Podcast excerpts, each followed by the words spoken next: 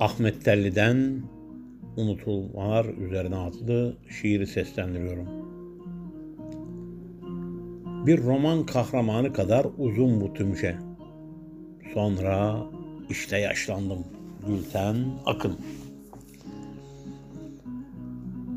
Büyük annemin masası sesini duyuyorum. Taş plak kayıtlarındaki cızırtılı şarkılarda. Kimi şarkılar şartlı yanımıza karşılık mıdır? Muamma ile basit sözler yan yana düşüyor. Ya da iç içe geçiyor mu demeliyim buna? İlk gençliğim, açık hava sinemaları. Serseri mayın diyordu komşu kızın annesi. Bütün bunlar çocuk ve Allah'tan önceydi galiba. Sonra Politzer, Dimitrov, devlet ve ihtilal. Kronstadtçıları gecikerek de olsa samimi bulduğunu Lenin'in, Nisan tezlerindeki Faust'tan alıntısı da nisyana gömülmemiştir. Gri teoridir dostum ama yeşil yaşamın sonsuz ağacıdır. Diyalektik handikap bu. Hala ezberimde Fuzuli'den birkaç gazel. Mahir'in kesintisi, denizin son sözleri. Hani derler ya, mıh gibi aklımdadır.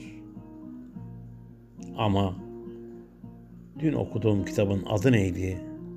Hatırlayamıyor bu yorgun hafıza. Nisyan ile malul olduğumuzu malumudur. Ama malülen emekli solcunun muhabbeti kötü çevrilmiş bir kitabı okumaya benzer. Ödünç anılar labirenti de denebilir belki.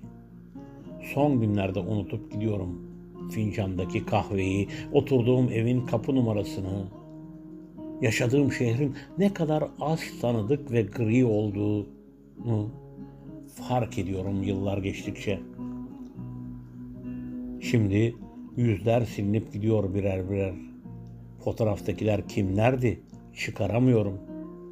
Veda ediyor sanki herkes sistemkar eda ile. Dalgınsın diyor kadehteki rakının mavisi. Bellekteki pası silemiyor artık bu hayat. Anılar edinmiştim bunca yıl kış kıyamet. Sımsıcak tutsun diye kalbimin tenhasını. Ama babamın ölüm tarihini ikide bir telefon edip öğreniyorum kardeşimden. De bir itiraf düşüyor şimdi payıma. Sonra işte yaşlandım.''